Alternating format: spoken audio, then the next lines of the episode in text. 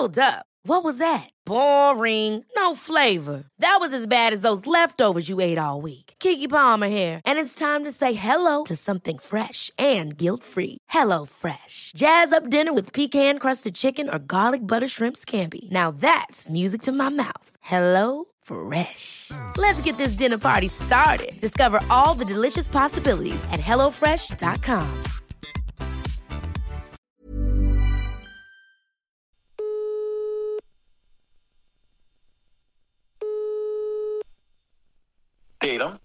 Goddag, Adam Holm. Mit navn det er Mikkel Braginski. Jeg, øh, hej du. Jeg har en, øh, en lille podcast, der Handkøn, som ligger på Heartbeats, hvor jeg sådan prøver at genfinde mandens identitet. Og jeg synes jo, du virker ret interessant. Du har sådan været ret åben og bramfri i offentligheden omkring dine holdninger, og sådan blandt andet omkring dit privatliv. Og det synes jeg jo sådan er ret modigt af dig. Nå, Øh, tak skal du have. Jamen, øh, det var så lidt. Og så tænker jeg på, om du måske har lyst til at komme ind i studiet og tale lidt med mig, for jeg er sådan lidt nysgerrig på, sådan, hvad er det egentlig, der har formet dig, og hvordan er du kommet til der, hvor du er i dag? Vil det være noget, du ville have lyst til at være med til? Det vil, ja, bare jeg får lov til at krænge mig ud, øh, så vil jeg meget gerne. Det, det skulle der være rig mulighed for, at du kommer til. øhm, men det er da vildt glad for, at du gider. Så sender jeg dig lige en mail med detaljerne, og så, øh, så kan vi lige finde en dato, hvor det passer dig. Hvor- Hvordan lyder det? Prøv at jeg er klar til at skrive under. Det lyder spændende. Tak. Jamen, øh, det er jeg glad for. Så glæder jeg mig til bare til at tale med dig, og så må du have en, øh, en fremragende dag. Jeg ser frem til din mail. Jamen, øh, tak. Vi tales ved, du. Ha' det godt. Det gør vi. Hej. Ja, lige måde til. Hej. Hej. Adam Holm har en Ph.D. i historie fra Københavns Universitet. Han arbejder til hverdag som journalist og har i mange år været et kendt ansigt på DR. Her har han blandt andet været fast vært over flere omgange på nyhedsprogrammet Deadline på DR2. TV'et er nu skiftet ud med radio, og hver fredag inviterer Adam gæster i studiet og tager kulturhistorie under lupen i programmet 4. division, der sendes på P1. Men øh, jeg vil bare meget gerne tale lige ud af posen. Jeg har meget længe været utrolig træt af flormundens snak og øh, halvløgne osv., så lad os bare få det hele ud. Her i episode 2 fortæller Adam om, hvordan han igennem sit liv har arbejdet på at finde en frihed i både sin karriere og i sit parforhold. Og samtidig, som han siger, ikke at stikke noget under stolen og være en til en. Der er ingen tvivl om, at hans rejse hertil har givet ham en del følelsesmæssige kæberasler og ar med på vejen. Men det er ar, som han med glæde bærer.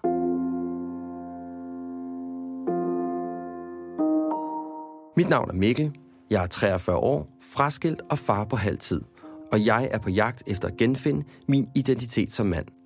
Derfor har jeg besluttet at tale med mænd, som jeg beundrer, og finde ud af, hvad deres livserfaringer har lært dem, og forhåbentlig få nogle råd, der kan hjælpe mig videre på min vej til at blive en bedre mand.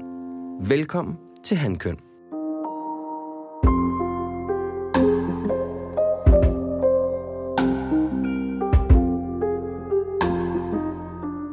Den første, vi skal tale om, det er det her ansvar.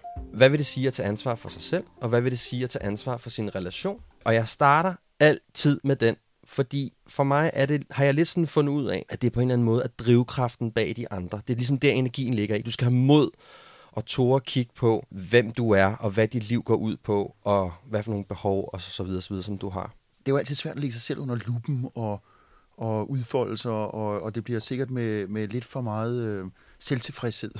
så skal jeg passe på med, men, men, men, men jeg, øh, jeg har i hvert fald en anden tilgang til ansvar, tror jeg, i min farrolle. Altså, jeg er far til to sønner. Nu er de henholdsvis 16 og 13. Og, øh, og, og det er først og fremmest dem, jeg tænker ansvar i forhold til. Altså, øh, om min manderolle, altså fra de var nyfødte. Og nu er jeg også alene med dem i et halvt år. Fordi min kone, som er fra Norge, bor i Norge indtil 1. juni i arbejdssammenhæng. Så jeg øh, er alene øh, opdrager for tiden. Og, øh, og der kan jeg med mig love dig for, at jeg har ansvarsfølelsen inde på livet, fordi to teenage-drenge, 16 og 13, med alt, hvad der rører sig. jeg kan se, du ryster, øh, og du, ja. Du erindrer tiden. Øh, Ja. man, man, er, man er jo et esbeløv, og man er man, man opsuger alt, hvad der er, og det gør især første G-drengen. Øh, så der er jo meget at se til som far. Og, og der vil jeg sige, der er ansvaret så manifest placeret i forhold til de to drenge. Det betyder ikke, at jeg ikke i forskellige sammenhænge, moralsk for eksempel, har handlet ret uansvarligt i forhold til det, som samfundet vil dømme som uansvarligt. Hvad er det for eksempel? Øh, knip ved siden af, for eksempel. Ja. Øh, på tidspunkter, hvor vi ikke i mit forhold havde diskuteret, hvad Det var ikke lige aftalt. Nej, det var ikke aftalt. Nej. Øhm, og nu siger jeg, jeg, jeg taler bare lige ud af posen. Det skal du helst gøre. Øhm, men, men, øh, men hvad kan man sige, min idé om ansvar er, at man, øh, at man bidrager til fællesskabet, og at man bidrager til at gøre hinanden øh, stærkere og gerne øh, få hvad kan man sige, bedre vilkår. Må jeg godt stikke fingeren ned det der, du sagde før med at knalde udenom? Ja.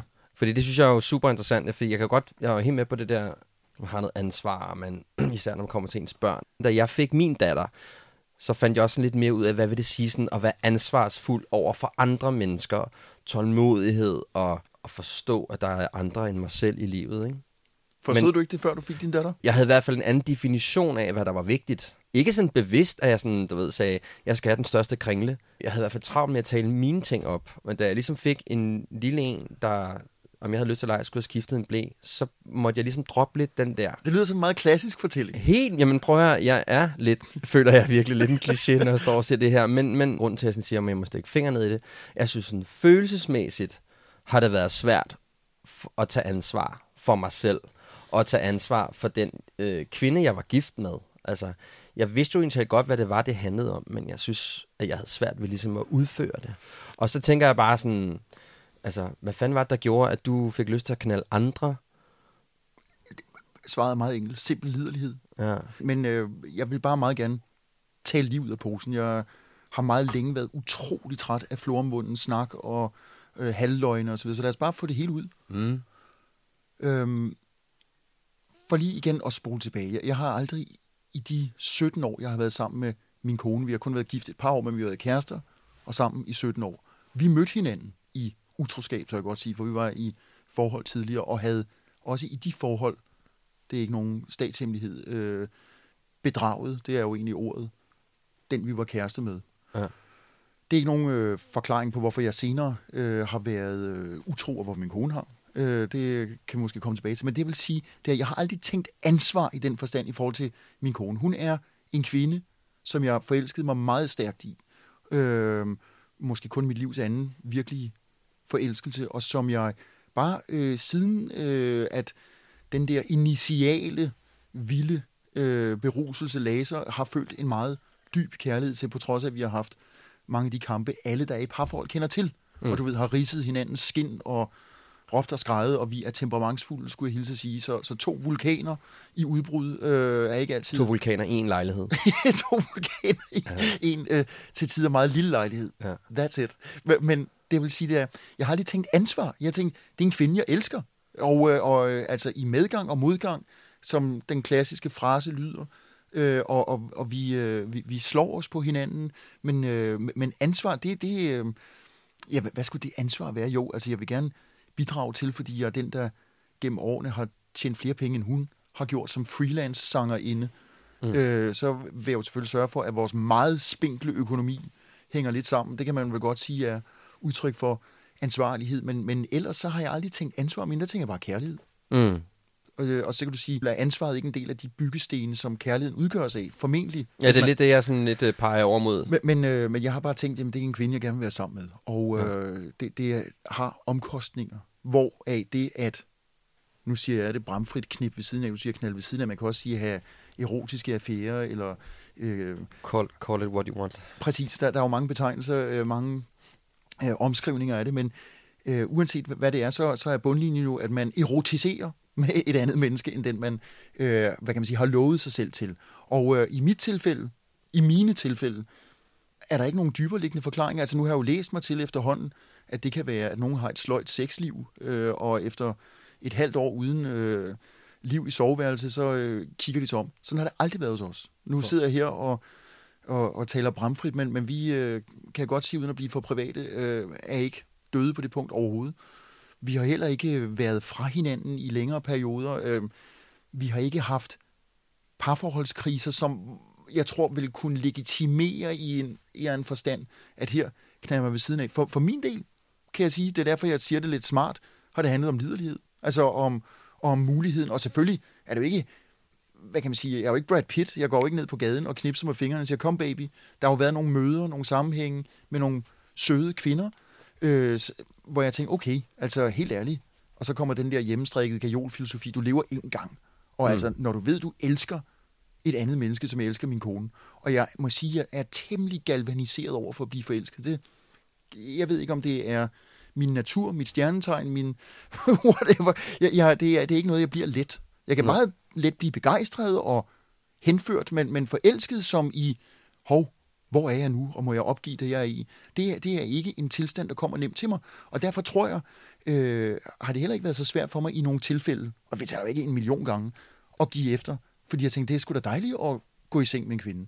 Den anden del er så, skal nok gøre det kort, den anden del er, at jeg er opvokset, øh, tilbragt syv eller otte år i et kollektiv, har oplevet mine forældre, øh, kommer lige tilbage til det med alder, jeg er jo 50, så jeg er opvokset i 70'erne, øh, som havde, hvis man kom fra det miljø, jeg gjorde, eller gør, som var på venstrefløjen og i selvforståelsen kulturradikalt og progressivt, øh, så eksperimenterede man med familieformer og med forestillinger om, hvad øh, en mand og en kvinde kan tillade sig. Øh, og min forældregenerations afsæt var jo det, de var opvokset med i den store efterkrigstid, hvor der virkelig var en anderledes øh, normsætning. Og det ville de jo bryde med, mine forældre. Så jeg har set på ret klodshold, hvordan mine forældre, som nu har været gift i 53 år og er de mest elskelige gamle ex-hippier, som lige har været en tur i Indien i øvrigt, øh, hvordan de i perioder har set andre.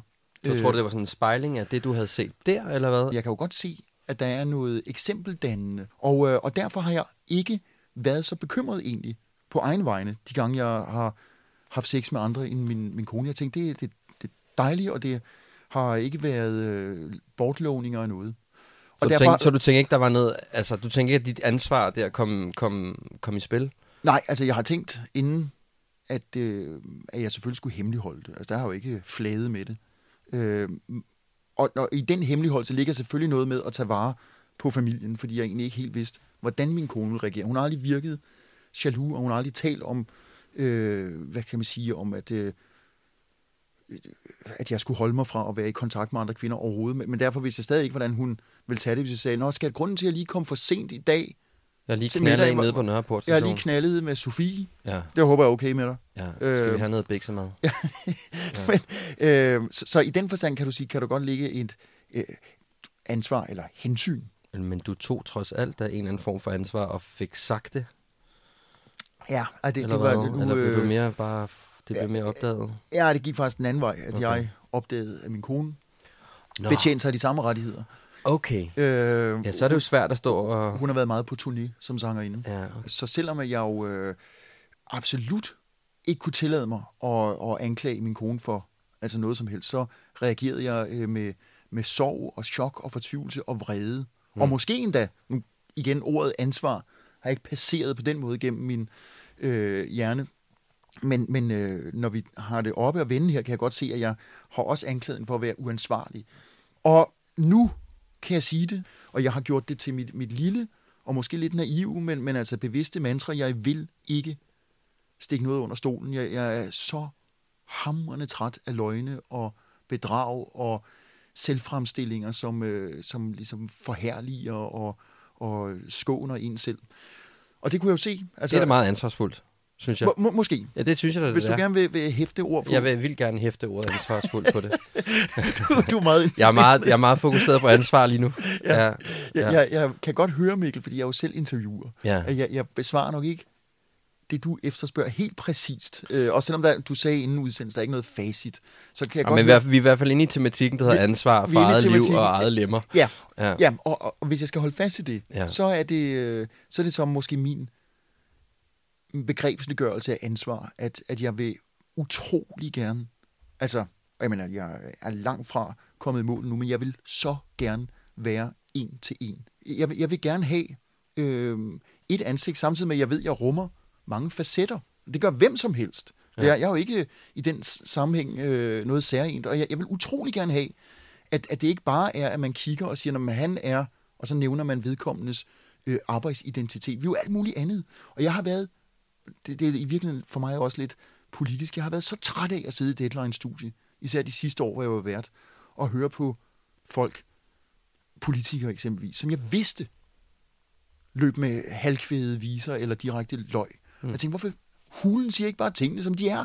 Hvad, hvad, hvad giver det dig at have den der, øh, den der tilgang til dit eget, ja, nu tillader jeg mig at sige ansvar?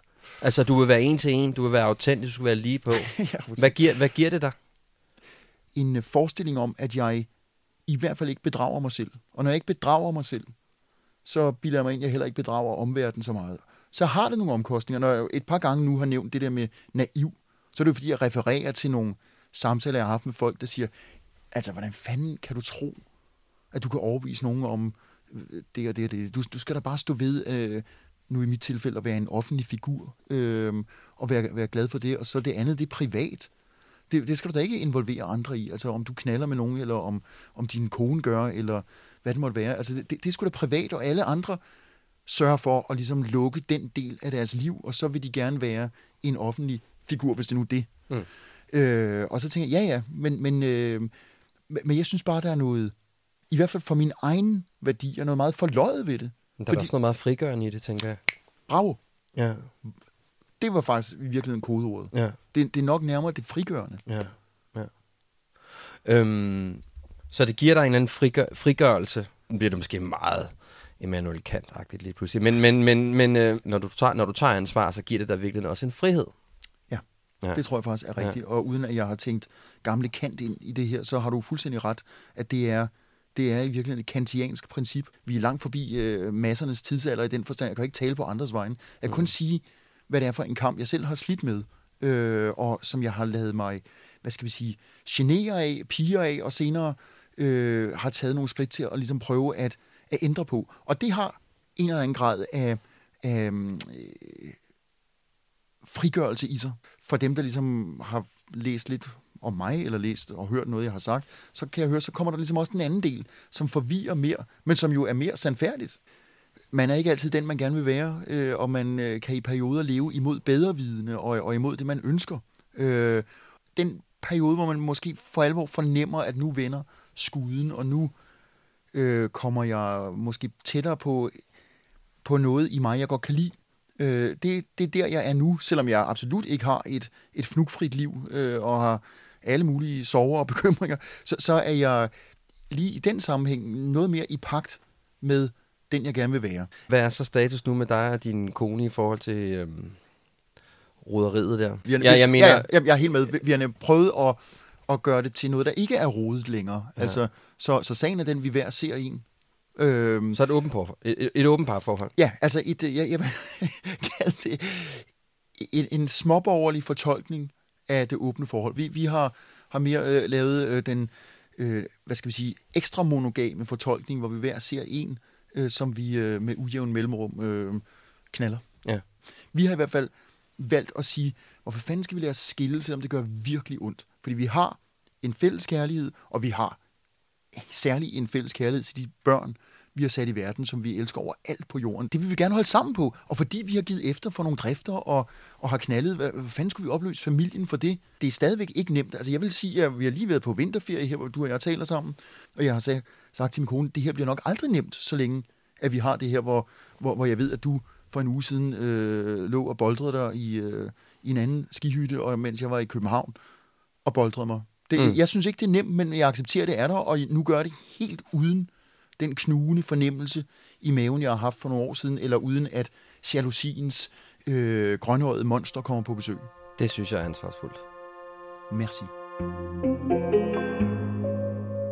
Du lytter til Handkøn, en podcast om at genfinde mænds identitet. Du kan også følge Handkøn på Instagram og Facebook, hvor vi prøver at komme endnu tættere på mandens identitet. Du skal bare skrive podcast Handkøn i søgefeltet. I'm Sandra, and I'm just the professional your small business was looking for. But you didn't hire me because you didn't use LinkedIn jobs. LinkedIn has professionals you can't find anywhere else, including those who aren't actively looking for a new job but might be open to the perfect role, like me. In a given month, over 70% of LinkedIn users don't visit other leading job sites. So if you're not looking on LinkedIn, you'll miss out on great candidates like Sandra. Start hiring professionals like a professional. Post your free job on linkedin.com/people today. Here's a cool fact a crocodile can't stick out its tongue. Another cool fact you can get short term health insurance for a month or just under a year in some states. United Healthcare short term insurance plans are designed for people who are between jobs, coming off their parents' plan, or turning a side hustle into a full time gig. Underwritten by Golden Rule Insurance Company, they offer flexible, budget friendly coverage with access to a nationwide network of doctors and hospitals. Get more cool facts about United Healthcare short term plans at uh1.com.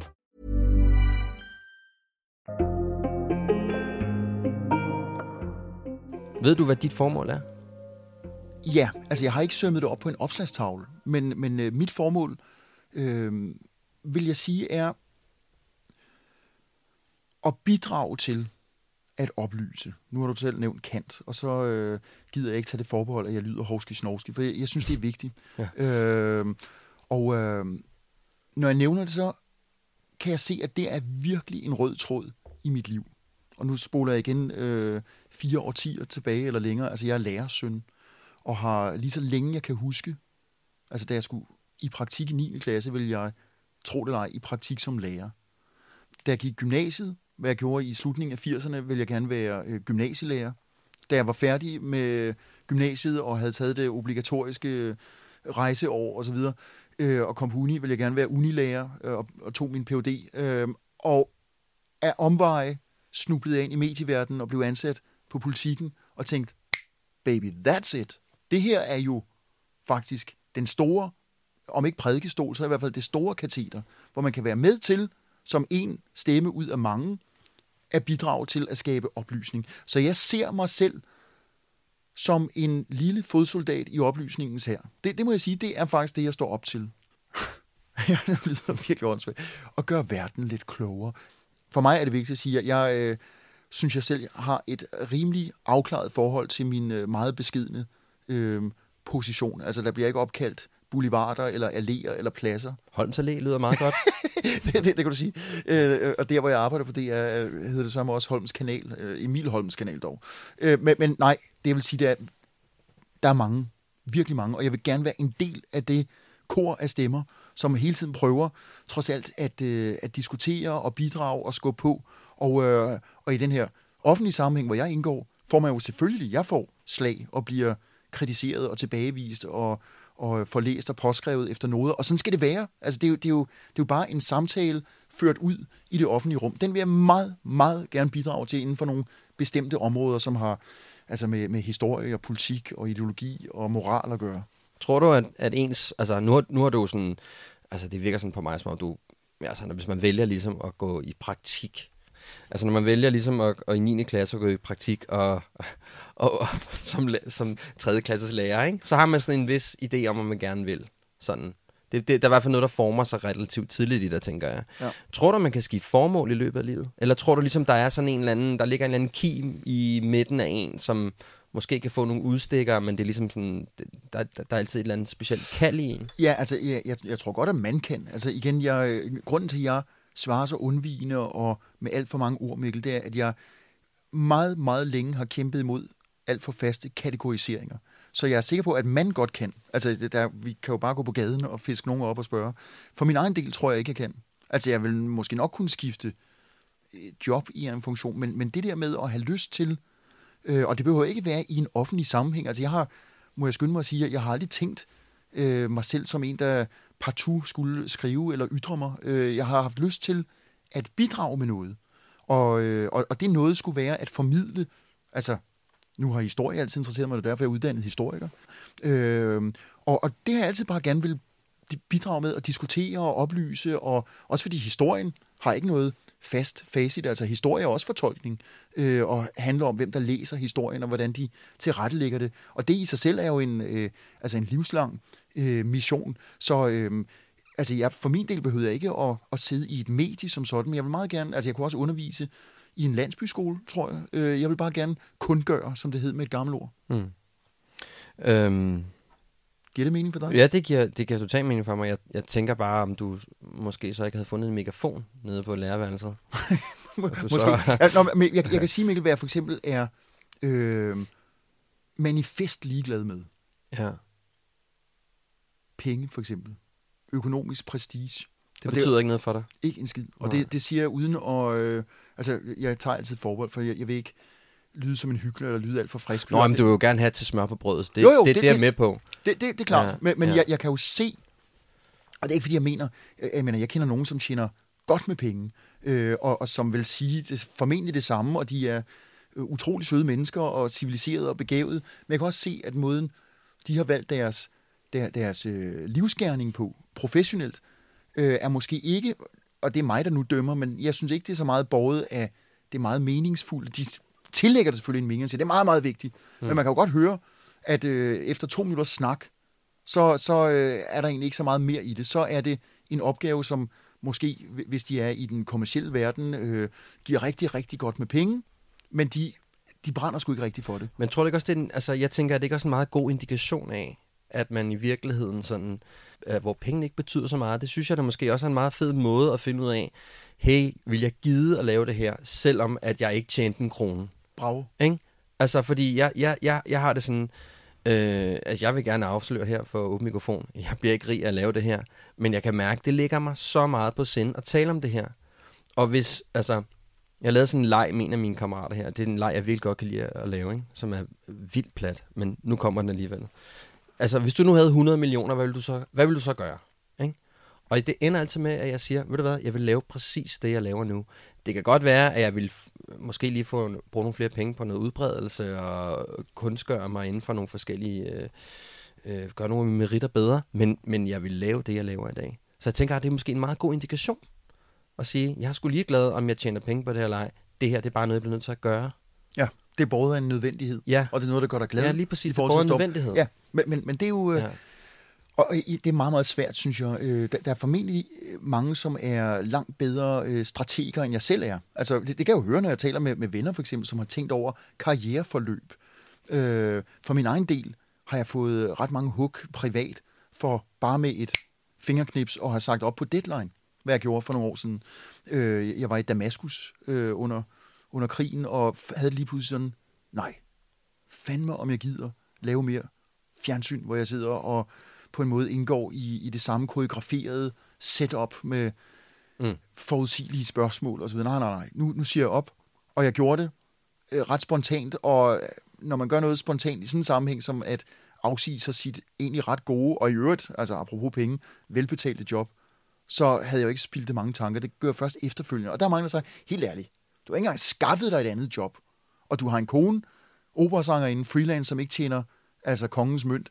Hvad, hvad har du tænkt på? Ja, kan du løbe af 14 kroner en par syge Ja, og, Ja. og det er der, vi er omtrent, fordi i de tre år, der er gået, siden jeg sagde op, der, altså, vi, vi, vi svømmer ikke i, øh, i dukater, Nej. kan jeg godt sige, men øh, når, når jeg nævner det, så er det fordi, at jeg øh, simpelthen tænkte, det at sidde i, i Syrien, det at være i krigszonen, det at mærke en, jeg vil kalde det en, en meget eksistentiel nødvendighed, det var simpelthen så overvældende, øh, så jeg tænkte, jeg, selvom den syriske tragedie og hverdag jo ikke bliver min, altså det vil jo være at, at ligesom forregne mig, så, så mærkede jeg noget, som jeg ikke ofte mærkede inde i studiet, selvom jeg øvrigt var glad for at lave deadline og holdt af redaktionen og synes Men apropos du det, gjorde det også godt, synes jeg. tak, men, men, men synes også apropos det der med oplysning, selvfølgelig var det et, et vigtigt åndehul, men, men jeg, jeg må nok sige, at jeg der faktisk virkelig blev besjælet af noget stærkere, som er svært at forklare, uden at det lyder øh, sådan meget konstrueret, men sådan var det bare, og, og derfor øh, sagde jeg faktisk mere eller mindre op i, i, en, øh, i en ruf. Ja. Øhm, og, og det, så, så det var det der med at, at, at føle, at det, man står op til, det skal simpelthen øh, banke inde i en. Altså, og øh, øh, jeg har faktisk hørt dig, Mikkel, sige i en tidligere udsendelse, du har talt noget om det indre fyr. Ja. Øh, og, Ja. og det synes jeg er et virkelig Ja. godt billede. Ja. Øh, fordi man kan jo godt gå rundt og, øh, og, og være velfungerende, men, øh, men, men, men øh, temperaturen er ikke så varm inde i, hvis vi skal blive i det billede. Og, og for at få varmet op og, og virkelig øh, mærke, at, at blodet ruller, øh, så, så skal man lave noget, som ikke nødvendigvis er lønsomt i, i kroner og øre, men som, øh, som, som lønner sig rent sådan sjæleligt. Ja. Åh, oh, Det var godt. Det var godt sagt. Giver det, dig en, giver det dig en tryghed at vide, hvad din mission er? Ja, og, og det er igen øh, lidt ligesom øh, i ægteskabet. Altså, der er mange udfald. Altså, øh, jeg, jeg går ikke rundt og tænker om mig selv, at jeg er en forgyldt historie. Altså, jeg mener, der er øh, masser af udfald, og jeg har også i den øh, professionelle sammenhæng øh, fået en del riser i, øh, i skinnet. Altså, øh, og, og tænker, at det, det er noget, jeg det kan vi måske komme tilbage til, øvrigt, tænker jeg lige på, når vi skal diskutere sårbarhed. Mm. Øh, men, men, men jeg tænker bare det som et hele. Og, øh, og, og det giver mig en, en tryghed, at jeg har, jeg har stået igennem, øh, altså både øh, havde altså rygklapperi og, og, og kæberasler, og, og er stadigvæk glad for Du kan det, stadig jeg mærke det, du har gang i, er det rigtige for dig. Ja, lige præcis, ja. fordi, jeg, fordi jeg synes, det er nødvendigt. Ja. Øh, og det er jo på trods af, at jeg både har trådt nogle over tæerne, nogle gange har været dum, og det er først og fremmest i skriftlig sammenhæng med kronikker og kommentarer og så videre, hvor, hvor jeg kan se, at det, jeg har siddet og bikset sammen i min egen lille skrivestue, det bliver slet ikke modtaget den ånd, og så får man en skidspand og tænker, gud, jeg er idiot, gud, det, de har sgu da ret, måske.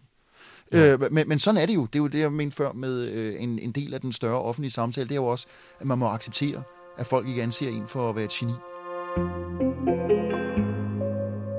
Du lytter til Handkøn, en podcast om at genfinde mandens identitet. Hvis du ikke allerede har hørt sæsonens første afsnit af Handkøn med Flemming Møldrup, så kan du finde den der, hvor du henter din podcast.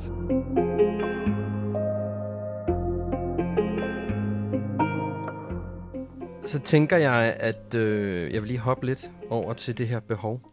øh, i, min, øh, i mit ægteskab er vi øh, gode til, og der ligger ikke nogen større strategi bag. Jeg, det må være as we are, øh, til at og ligesom... Min, min kone er jo bedre end jeg er, skal jeg skynde mig at sige. Hun, hun er gung-ho på det punkt. Øh, Jeg ved lige præcis, hvad hendes behov er. Ja, der, der er jeg nok øh, trods alt lidt mere over i cellofan-papirsafdelingen. Øh, men, øh, men, men jeg synes bare, at øh, vi sætter ikke de ord på i, i min relation. Så når du beder mig om at være tage mit private afsæt, så, øh, så tænker jeg, Nå, ja, når, når det er sådan, andre kalder det. Fordi vi, vi, vi, gør det, og øh, jeg, jeg får ikke altid, øh, hvad skal vi sige, gennemført mine, mine ønsker, men for eksempel sådan noget som at rejse ud i øh, krigszoner, som jeg har gjort nogle gange. Selvfølgelig journalistisk øje med, men, men jeg har det var været, ikke badeferie.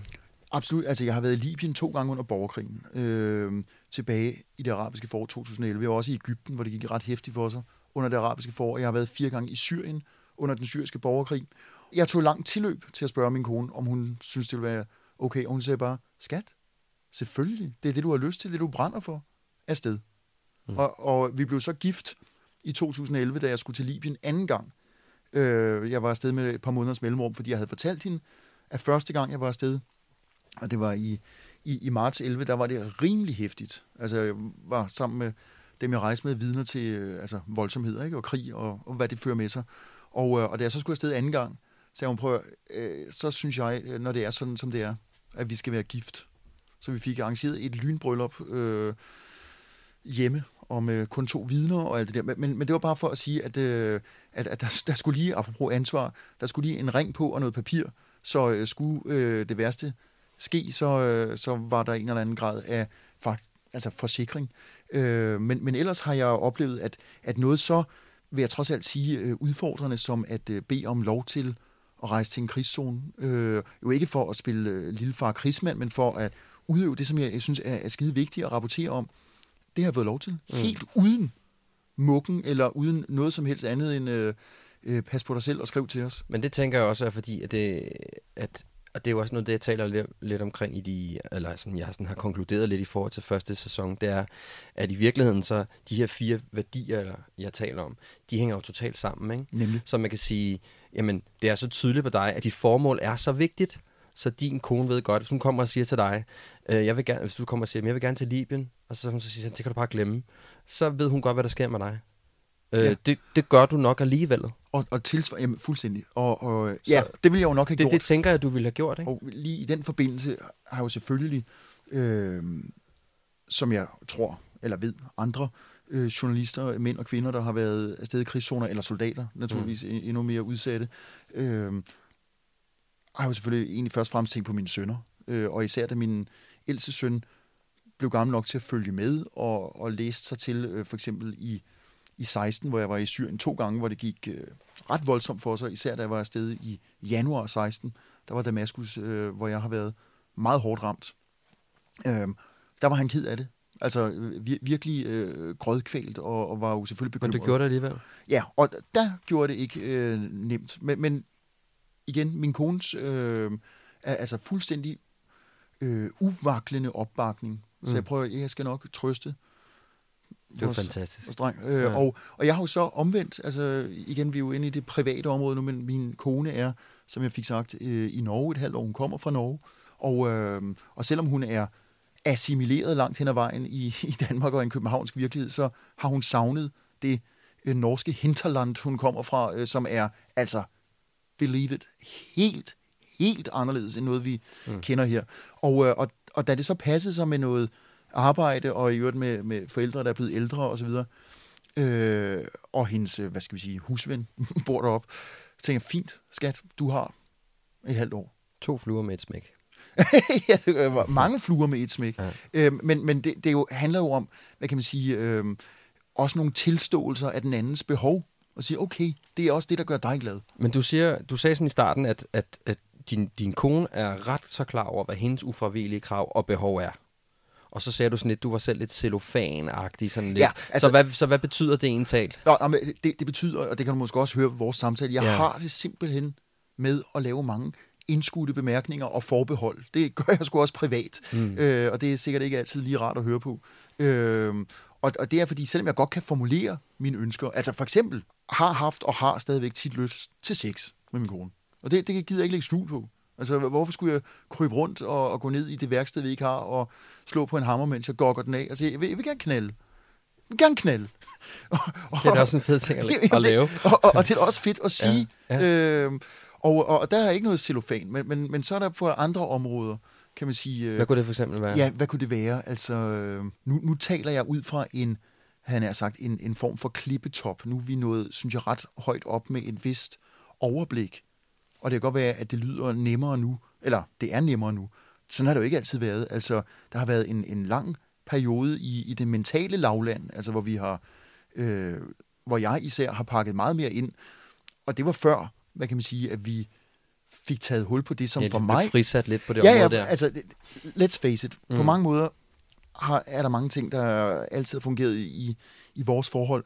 Det, som selvfølgelig ikke er godt, og det ved enhver, der er et forhold, som ikke har aftalt det, man skal ikke knalde med andre. Det, det er ligesom første uskrevne regel for alle. Når man ja. så har gjort det, øh, og det ikke var en svipser, og man tænker, gud, det skulle da egentlig meget dejligt, så, så, så er det ligesom den, der ligger øh, og, og, og simrer og, øh, og begynder at stinke lidt indtil, at man får åbnet vinduerne. Og man og det, tager ansvar for den. og man tager ansvar for den. Ja. Og så med det ansvar, du sagde det jo selv rigtigt, Mikkel, der er jo noget, der hænger sammen her.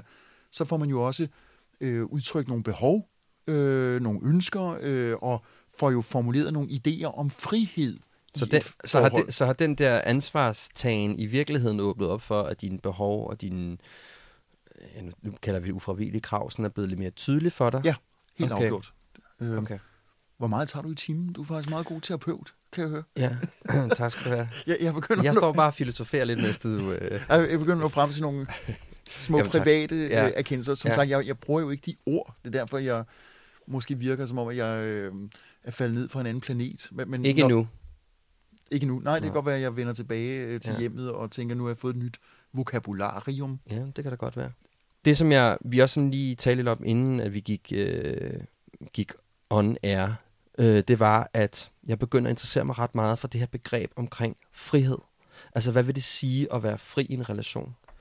Jeg, jeg er ikke sådan kun ude i at tale om det der med, at det, du skal have lov til at øh, køre på mountainbike med, din, øh, med, din, øh, med dine venner i weekenden, øh, eller du skal have lov til at gå ud og drikke dig øh, fuld med, din, øh, med dine venner hver weekend. Det, det, det, er en, det er et aspekt af det, og jeg synes tit, det er det, der kommer til at handle om, når vi taler om friheds...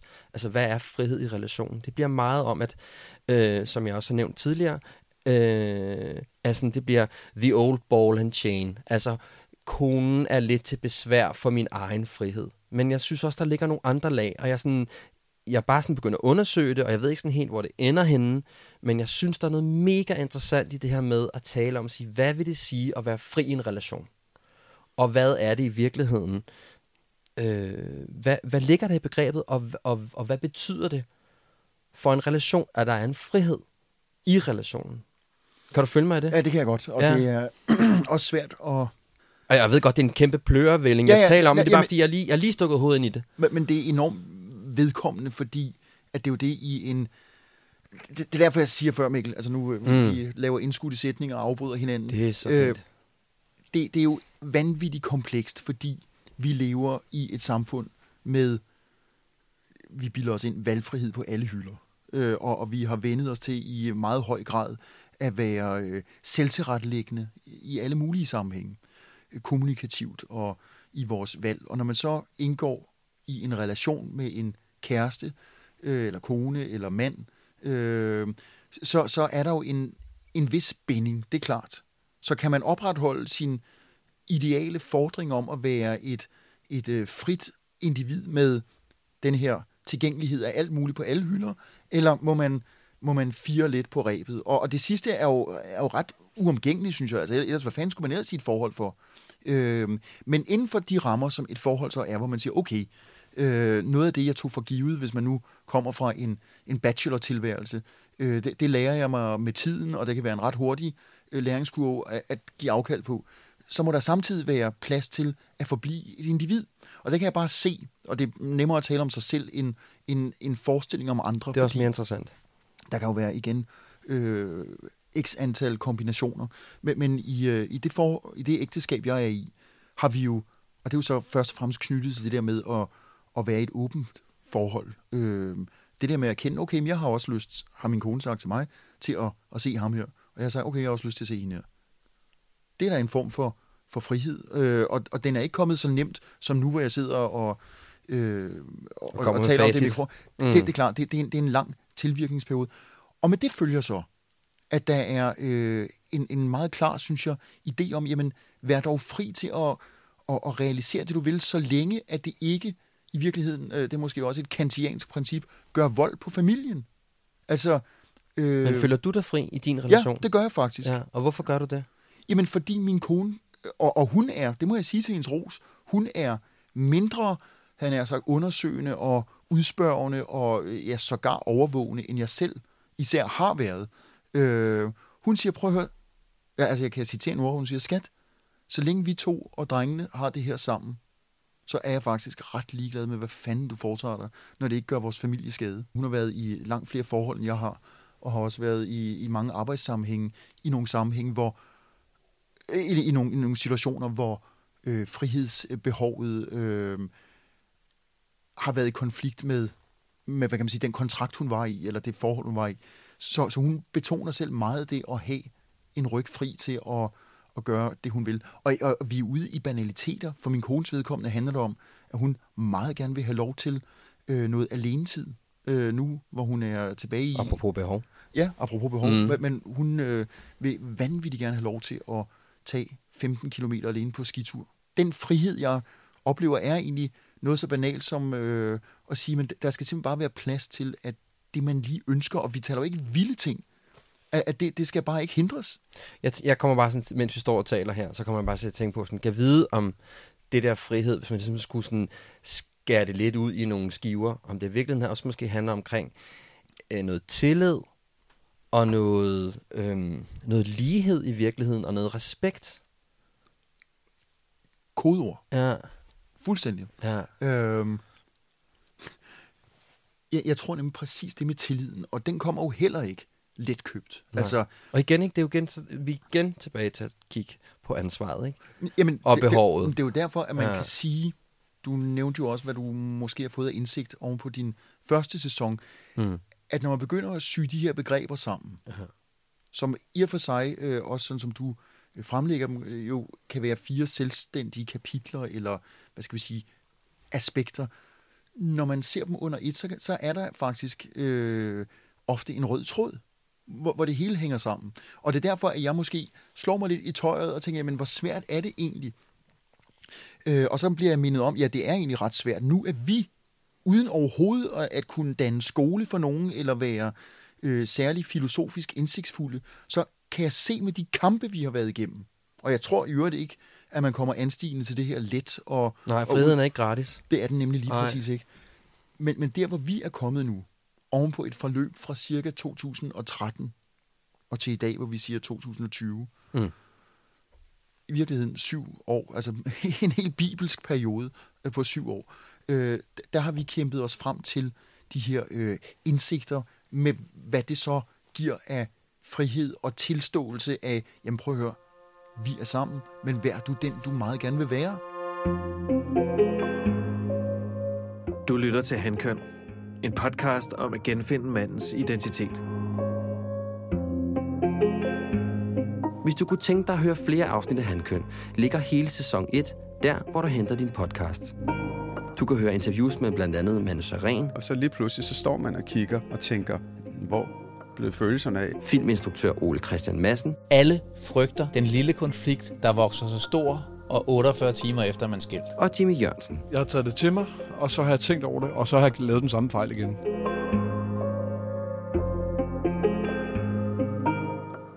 Altså, det er jo sådan lidt, hvis du sådan åbner dig som mand og viser følelser om, hvordan du har det, ikke? Så ved vi jo alle sammen godt, at du er en kæmpe tampon med ben, ikke? øh, og det, det, det, det, det, Hvor, hvor, hvorfor egentlig? Det er altid Ja, og det er mig. bare sjovt, fordi det er sådan lidt meget den fornemmelse, jeg har, øh, at mange mænd har det med deres egen sårbarhed. At det ligesom er en... Øh, det er et kæmpe svaghedstegn. Jeg tror, jeg fremstod sådan lidt... Enten sådan lidt vred, hvis der sådan kom nogle, hvad jeg følte var angreb på mig. Eller også så lavede jeg bare den der, ja, det, det ved jeg ikke rigtigt, og så bakkede jeg ligesom bare ud af, ud af, ud af samtalen. Ikke? Øh, way back when. way back when. Ja, way back Øh, when. Og så, og så er jeg jo selvfølgelig bare Jeg- øh, jeg- jeg kender- sindssygt nysgerrig på, hvordan du har det med din sårbarhed. Jeg har aldrig været betænkelig ved at vise følelser. Hvordan kan det, det være? I- Er det din opdragelse, tror du? Svært at sige, altså, Ja. ja. og, og, og når jeg siger aldrig, så, så burde jeg jo igen sige øh, aldrig. Altså, øh, Mm. kan du sige det med hovedet på blokken? Nej, formentlig ikke. Jeg kan i hvert fald sige, at som, lad mig så bare sige som voksen, som selvrådende og nogenlunde tænkende individ. Altså, jeg har meget tidligt tænkt, at hvis det er legitimt at grine højt, hvis det er legitimt at vise vrede, eller øh, en eller anden grad af temperament, øh, så er det vel også legitimt at kunne fælde en tårer, eller hvis ikke man behøver at græde, vise, at her har jeg fejlet. Jeg har, jeg, jeg lægger faktisk meget stor vægt på. Altså det, det, det er simpelthen meget vigtigt for mig at, øh, at erkende over for mig selv, og nogle gange jo også for dem, der gider lytte med, øh, hvis det er i en offentlig sammenhæng, eller bare venner, at jeg altså fejler. Øh, og og det, det kan jo være, altså småting, det kan være noget, igen, øh, det kan være i, mit, øh, i min faglige sammenhæng, altså noget med at skrive kommentarer eller kronikker. Øh, jeg, jeg ved, jeg tit tager fejl, faktisk, øh, og, og prøver at lære af det, og det er vel en grad af, af sårbarhed, fordi jeg ved i hvert fald, altså det har jeg for længst erkendt, jeg er ikke den bedste, jeg er ikke den stærkeste eller hurtigste, jeg er et menneske, som begynder at blive syet sammen af den øh, historie, som, som jeg nu kan se, samler sig i mig. Og det er derfor, jeg siger, jeg er faktisk utrolig glad for at konstatere, at jeg er alt andet end perfekt. Jeg er virkelig det uperfekte menneske. Øh, og i det ligger jo så også at sige, jeg skulle da ligeglad med at græde. Altså, jeg er også kommet til at, at, at, at græde foran andre, øh, og ikke... Kommet til. Nå, jeg, jeg er kommet til Ja. det, det kan du godt sige, men altså, jeg, jeg, jeg lod mig bare overvælde. Mm. Øh, jeg, jeg skal ikke være øh, mere hyggelig, end at jeg... Øh, det er en lille, meget konkret eksempel. For ikke så lang siden var jeg inde og se den syriske dokumentarfilm The Cave, som vidderlig er meget, meget øh, kvalfuld at se. Og hvis man så endda, som jeg, har, har stået nogenlunde samme sted og har kendt nogle af de mennesker, så, så gør det måske ekstra indtryk. Der var i hvert fald en dimension. Og jeg kæmpede simpelthen i biografen, og jeg var inde med nogen, jeg ikke kender særlig godt, med ikke at lade tårerne bare vælte ud. Og jeg tænkte bagefter, idiot, hvorfor gjorde du ikke det? Ja. Dagen efter skulle jeg tale om selvsamme film i radioen i et program, jeg laver, og, øh, og, og var helt mundlam i 10-15 sekunder, fordi mit mæle var grødet, og, og tårerne begyndte at rinde ud af øjnene på mig. Synes du, der er forskel på at være sårbar udadtil, og så sårbar indadtil imod, i, øh, imod din kone? Igen, det kommer jo så an på, hvor, havde jeg sagt, hvor, hvor gennemsigtig eller transparent man har gjort sit, sit liv. Og når man sidder her og fabler om det, som, som vi gør i, i en sammenhæng, der jo trods alt er offentlig, eller i andre offentlige sammenhæng, så, så bliver det skæld jo nok udvisket øh, mellem det indre og det ydre i, i sårbarheden. Men øh, altså, jeg, jeg har da virkelig gået og slikket min sorg, fordi man får sorg i, tror jeg, hvilket som helst forhold, hvor man bruger tid på at, øh, at rydde op efter nogle misforståelser. Så du har ikke svært ved at, at vise sårbarhed over for din kone? Det synes jeg virkelig ikke. Og Nej. det tror jeg, hvis du fik hendes telefonnummer og ringede for at tjekke, om jeg var fuld af varm luft eller ej, så ville hun sige, nej, nej, er du sindssyg? Så hvis, Men, du så hvis du mærker noget, du er utilfreds med, eller hvis du mærker noget, der går dig på, så er du god til at kommunikere over for hende, at nu foregår der noget af dig, som, som potentielt ikke er, øh, kulturelt set skide mandigt, men at nu kan du mærke, at der er noget, der ja, går der på. Men, men, men det, det er nemlig sjovt, øh, og jeg ved jo godt, i et program, der hedder Handkøn, ja. skal det klassificeres som mandigt. Øh, nej, det siger ikke, det skal Nej, nej, nej, okay, men, men øh, det, det er fordi, vi Fordi taler... jeg synes ikke nødvendigvis, det har skide meget at gøre med, hvilket køn du er. Men, men jeg synes bare, det er interessant at kigge på, fordi vi som mænd har så svært ved den øh, del af os selv, som er så essentiel. Men Mikkel, du ved, enhver trækker jo sin historie med sig og sine egne billeder. Mm. Øh, når, når jeg tænker på, lad os bare kalde det mandighed, sådan som jeg fortolker det. Ja. Jeg, jeg har været i krigszoner. Jeg, jeg har virkelig været nogle steder, hvor det har været hæftigt. Og ikke, ikke fordi jeg vil opsøge men fordi jeg var interesseret i arbejdsmæssigt og beskæftige mig med det. Og det, er over, der, det, synes, det dikterer dit formål, kan man sige. Ja, der synes jeg virkelig, jeg har overkommet noget. Det har for mig været, øh, altså, øh, øh, det er måske virkelig min manddomsprøve for så vidt. Så har jeg været i nogle sammenhænge, nu nævnte jeg selv lige slagsmål, jeg er jo ikke en slagsbror, men jeg har et par gange været i egentlige slagsmål øh, med, øh, med, med, hvad der deraf følger. Øh, og jeg har heller ikke stået vejen for øh, altså shouting matches, som man kalder det på engelsk, altså råbe og skrige nogle folk, mm. og modtage noget i samme dur. Og alt sammen er det ligesom handbavianens gang på jord, hvor jeg tænker, okay, jamen der er jeg da ud fra den klassiske definition. Det, er det, er der ikke skide, der er ikke skide, det er da ikke skide sårbart, synes du det? Nej, nej, det er bare for at sige, Nå, okay, at, at, at når jeg har de sider, ja. som jeg ved, jeg har, ja. altså at stå og, og, og blive slået i ansigtet, og selv ramme en øh, anden fyr på kæben, og øh, sparke ham i brystkassen, eller sådan noget lignende.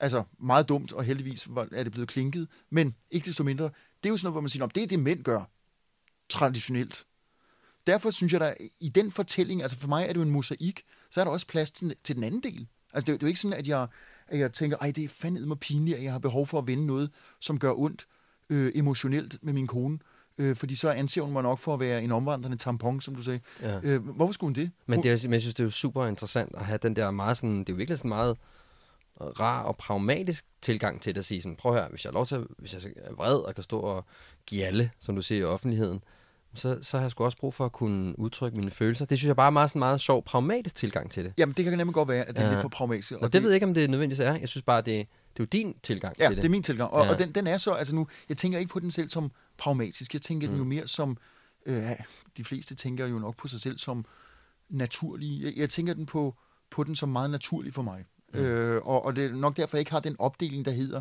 at når, når noget gør ondt, som, øh, som, som det i perioder gør, øh, arbejdsmæssigt arbejder alt for meget, for eksempel, så kan man sige, åh, det er et velkendt fænomen for alle. Men, men det kan jo gøre ondt øh, på en måde, i den forstand, at man bliver usikker, kan, kan jeg overkomme det hele, og er det godt nok, det jeg laver, og mm. øh, har, har jeg i virkeligheden forregnet mig, og hvorfor er det også, du ved, klynke, hvorfor er det også mig, der skal knokle så fucking meget? Øh, og det er der vel en eller anden sårbarhed, når man, når man ligesom må, må stige lidt ned fra, øh, fra, hesten. fra hesten og sige, prøv mm. at skat, altså det her, det, det er slidsomt. Ja. Og der har jeg da heldigvis en kone, der siger, men lytter og så prøver at spørge ind og også komme med råd. Så det er både, så det er både altså jeg hører dig både tale om, at du har en, du har ikke svært ved at tale med din kone omkring ting, du synes, der, der, der prikker til dig. Øh, Hun er den bedste at tale med. Ja. Øh, og du har heller ikke svært ved at gøre det i arbejdsøje med. Lyder det som om? Nej, altså jeg, jeg har jo selvfølgelig min blufærdighed, siger jeg, og taler ja. ind i en mikrofon. Øh, altså, øh, nu nævnte jeg, at, at der, der er samtaler, jeg aldrig har haft med mine i øvrigt meget åbne, øh, altså nærmest næsten karikerede venstrefløjsagtige forældre. Øh, og, og det ved jeg egentlig ikke helt øh, rent psykologisk, hvad forklaringen er på det. Altså, men de har for eksempel hørt mig i radioen tale om utroskab, og har jo selv i en periode levet sådan, og jeg har ikke lyst til at tale med dem om det den dag i dag. Nej. Øh, og der vil jeg gerne have, alligevel, at der er noget med nogle kategorier. De er mine forældre og mine sønners dejlige bedsteforældre. Leave it be. Ja. Øhm, men, øh, men ellers så, så synes jeg sgu, at, øh, at det er... Jeg, jeg synes jo, at, at, at, mange mænd, jeg kender, altså venner, øh, er, er sgu meget åbne med, øh, med, med deres sårbarhed. Nu sidder lige og øh, godt i gang med en fortælling, der hedder, at jeg er meget øh, pragmatisk og også all round. Altså jeg synes faktisk, at det gælder for mange. Øh, og, og måske er det jo et resultat af måden, vi har vendet os til at have en offentlig samtale om køn på og parforhold. Så jeg synes, at, øh, at jeg kan... Tror du, også, tror du også, det har noget at gøre med alder? Ja, bravo. Det, jeg tror nemlig også, det har noget at gøre med alder. Ja, okay. Det er jeg nemlig meget sikker på. Ikke fordi jeg lige eksakt kan huske, hvad jeg tænkte for 20 år siden, da jeg var 30, men jeg er sikker på, at jeg har holdt noget mere på formerne på alle mulige måder, Ja. for min egen del. Fordi i 30-årsalderen, øh, du, du ved, den store familiestiftelsestid for nogen, har man måske også travlt med at bide sig fast i bordpladen øh, arbejdsmæssigt, og man, man skal ligesom befeste sig. Øh, og, og når man er i gang med at befeste sig og finde det her fodfæste, øh, så øh, har man jo ikke lyst til at opleve, at jorden skrider under en. Øh, og gør den det, så er man måske virkelig på skideren. Mm. Øh, og, og derfor kan jeg godt sige, at noget af den, øh, nu siger jeg det for 117 gang, den indsigt, jeg bilder mig ind og har fået rent privat, den handler jo også om at være blevet ældre, ja. og begynde at samle på, hvad skal man sige, de trofæer af sejre og nederlag. Og jeg synes, altså for mig, jeg, igen, jeg dikterer ikke andre, at det skal være sådan, for mig er det faktisk virkelig vigtigt, at der ved siden af de par øh, hvad skal vi sige, medaljer, jeg har fået gennem livet, også øh, står nogle, nogle skamstøtter, fordi jeg tænker, det øh, det er den bedste, øh, hvad skal vi sige, øh, bedste synliggørelse af, hvordan, vi, hvordan jeg i hvert fald er. Men det synes jeg også er super interessant, og det, det har du også nævnt flere gange i den samtale, vi har haft, at for helvede, det handler jo også om at fejle. Det handler jo også om at lave nogle sindssygt dumme ting, og så videre. Det er jo også en del af at tåre at være sig selv og sige, prøv at høre, skat, jeg, der, der, der, der sked jeg sgu direkte ned i nælderne. Altså, det var en, det var en, det var en dårlig det var en dårlig løsning, jeg kom med. Det synes jeg jo også er enormt sårbart at kunne sige det. Og, og, og i Må, må, må jeg ja, afbryde dig ja, og, fremhæve en, et træk ved mig selv, som jeg faktisk virkelig er lidt stolt af. Ja, det kan må du meget jeg gerne. Har i virkeligheden lyttet, som om jeg er stolt af alt muligt, men, men det, jeg, jeg er god til helt oprigtigt og med, synes jeg, en, en vis grad af omtanke og empati at sige undskyld. Ja, det er også sindssygt vigtigt. Og, og jeg, jeg, jeg husker det, øh, og nogen synes måske, jeg øh, gør det for meget nu. Er det jo igen mest privat, men jeg kan virkelig også gøre det øh, i, i sådan en offentlig sammenhæng. Fordi Men det synes jeg er sindssygt interessant, det du siger der, fordi det er jo lige præcis de, de ting, der er sindssygt vigtige ved, at man er, at man er, at man er voksen, og man er, sig selv, ans- at man er ansvarlig over for sig selv. Det er jo netop lige præcis det, du siger, at kunne sige, ved du hvad, jeg er, jeg, jeg er ked af det. Undskyld. Det skulle jeg ikke have gjort. Ja. Det, og det synes jeg da i den grad er meget, meget sårbart. Jeg vil gerne have lov til at sige tak til dig for en øh, virkelig spændende samtale. Jeg er virkelig glad for, at du gad at ja, fortælle om alle de ting. Undskyld, jeg kom. Du skal, det, det, du skal ikke undskylde. Ej, det, har været, det har været virkelig fedt at tale med dig. Tak Mikkel, i lige måde. Ja. Og øh, altså til dig og dine lyttere. Beklager, hvis jeg snakkede lidt for meget.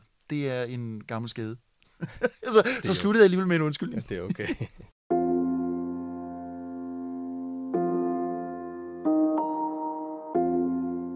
Og med en flot undskyldning fra Adam sluttede vores interview.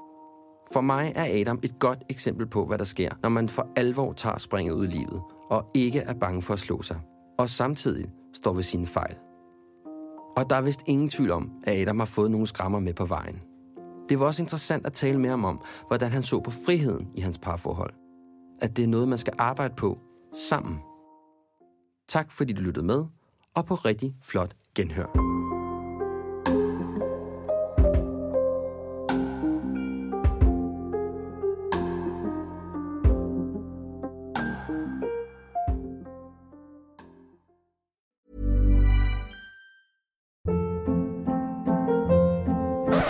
Hold up. What was that? Boring. No flavor. That was as bad as those leftovers you ate all week. Kiki Palmer here, and it's time to say hello to something fresh and guilt-free. Hello Fresh. Jazz up dinner with pecan-crusted chicken or garlic butter shrimp scampi. Now that's music to my mouth. Hello Fresh. Let's get this dinner party started. Discover all the delicious possibilities at hellofresh.com.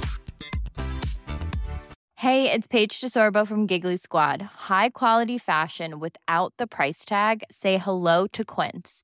I'm snagging high-end essentials like cozy cashmere sweaters, sleek leather jackets, fine jewelry, and so much more. With Quince being 50 to 80% less than similar brands. And they partner with factories that prioritize safe, ethical, and responsible manufacturing. I love that. Luxury quality within reach. Go to quince.com slash style to get free shipping and 365 day returns on your next order. Quince.com slash style.